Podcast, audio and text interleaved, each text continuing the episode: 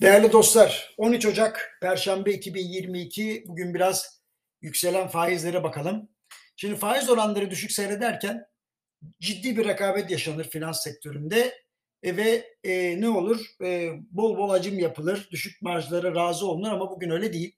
E, oldukça temkinli davranıyor finans piyasasının aktörleri. Aslında bu yaklaşımı normal karşılamak lazım.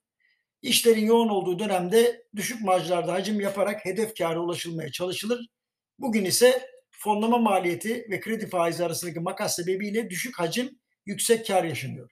Dolayısıyla iç, iş hacmi düşüyor ama karlılıklar düşmediği, aksine arttığı bir gerçek. Sadece bir koşul var.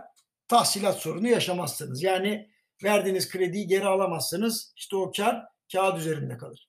Şimdi reel sektöre göre finans sektörünün alacaklarının yaşlanması çok daha büyük bir risk oluşturur. Çünkü finansal kuruluşlar kaynakların akışkanlığı sayesinde ayakta kalır. Elbette yeni plasmanlar için yeni kaynak aranır ama eski kredilerin tahsilatının hele ki bunlar çok düşük faizden verilmişse zamanında geri dönmesi en önemli meseledir.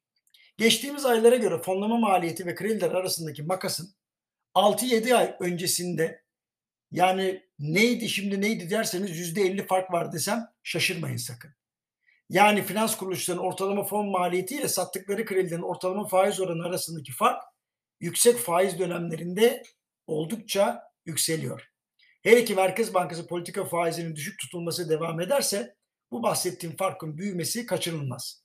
İş dünyası da şöyle diyor. Merkez Bankası faizlerinden kredi alsak harika ama imkansız olduğunu herkes görüyor.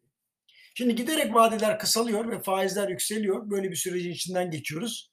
Kaynak da aynı şekilde kısa vadeli ve yüksek maliyetli olduğu için sonuç doğal. Yani zaten finans kuruluşları da yüksek e, ondan sonra maliyetli ve kısa vadeli alıyor. Aynı şekilde satıyorlar. Şimdi önemli olan konu şu. Ekonomik rasyoneli aşmış olan bir faiz oranından uzun vade borçlanacak olan bir firmanın 1990'lardaki şartlarda olduğu gibi kazancıyla bu borcu karşılayacağını iddia edemeyiz. Dolayısıyla firmaların da yüksek faizli kredileri kısa vadeli kullanmak isteyeceklerini düşünüyorum. Bunun ilk sebebi yüksek maliyet. İkincisi de önümüzdeki dönemde faizlerin düşeceğine dair bir beklenti veya da umut değil. Ancak söz konusu geleceğin ne kadar uzunlukta bir vade içerdiğini ben bilmiyorum. Kestirmek çok zor. Fed'in faiz adımları sona erene kadar sürme ihtimali de yüksek. Belki o süreç içinde Türkiye'de şartlar düzelir, faizler zirve yapacakları noktadan geri döner vesaire diye beklentideyim. Elbette bir de sürekli ısınan ne var? Seçim atmosferi var. Şimdi seçimlerden önce faizlerin piyasada düşmesini sağlayacak tek gerçek bence enflasyonun düşmesi. Bunu nasıl sağlarız peki? Onu yarın anlatacağım ama hükümetin fiyatları doğrudan etki yapan bu vergilerde mutlaka bir sadeleştirmeye gitmesi lazım diye düşünüyorum. Görüşmek üzere efendim.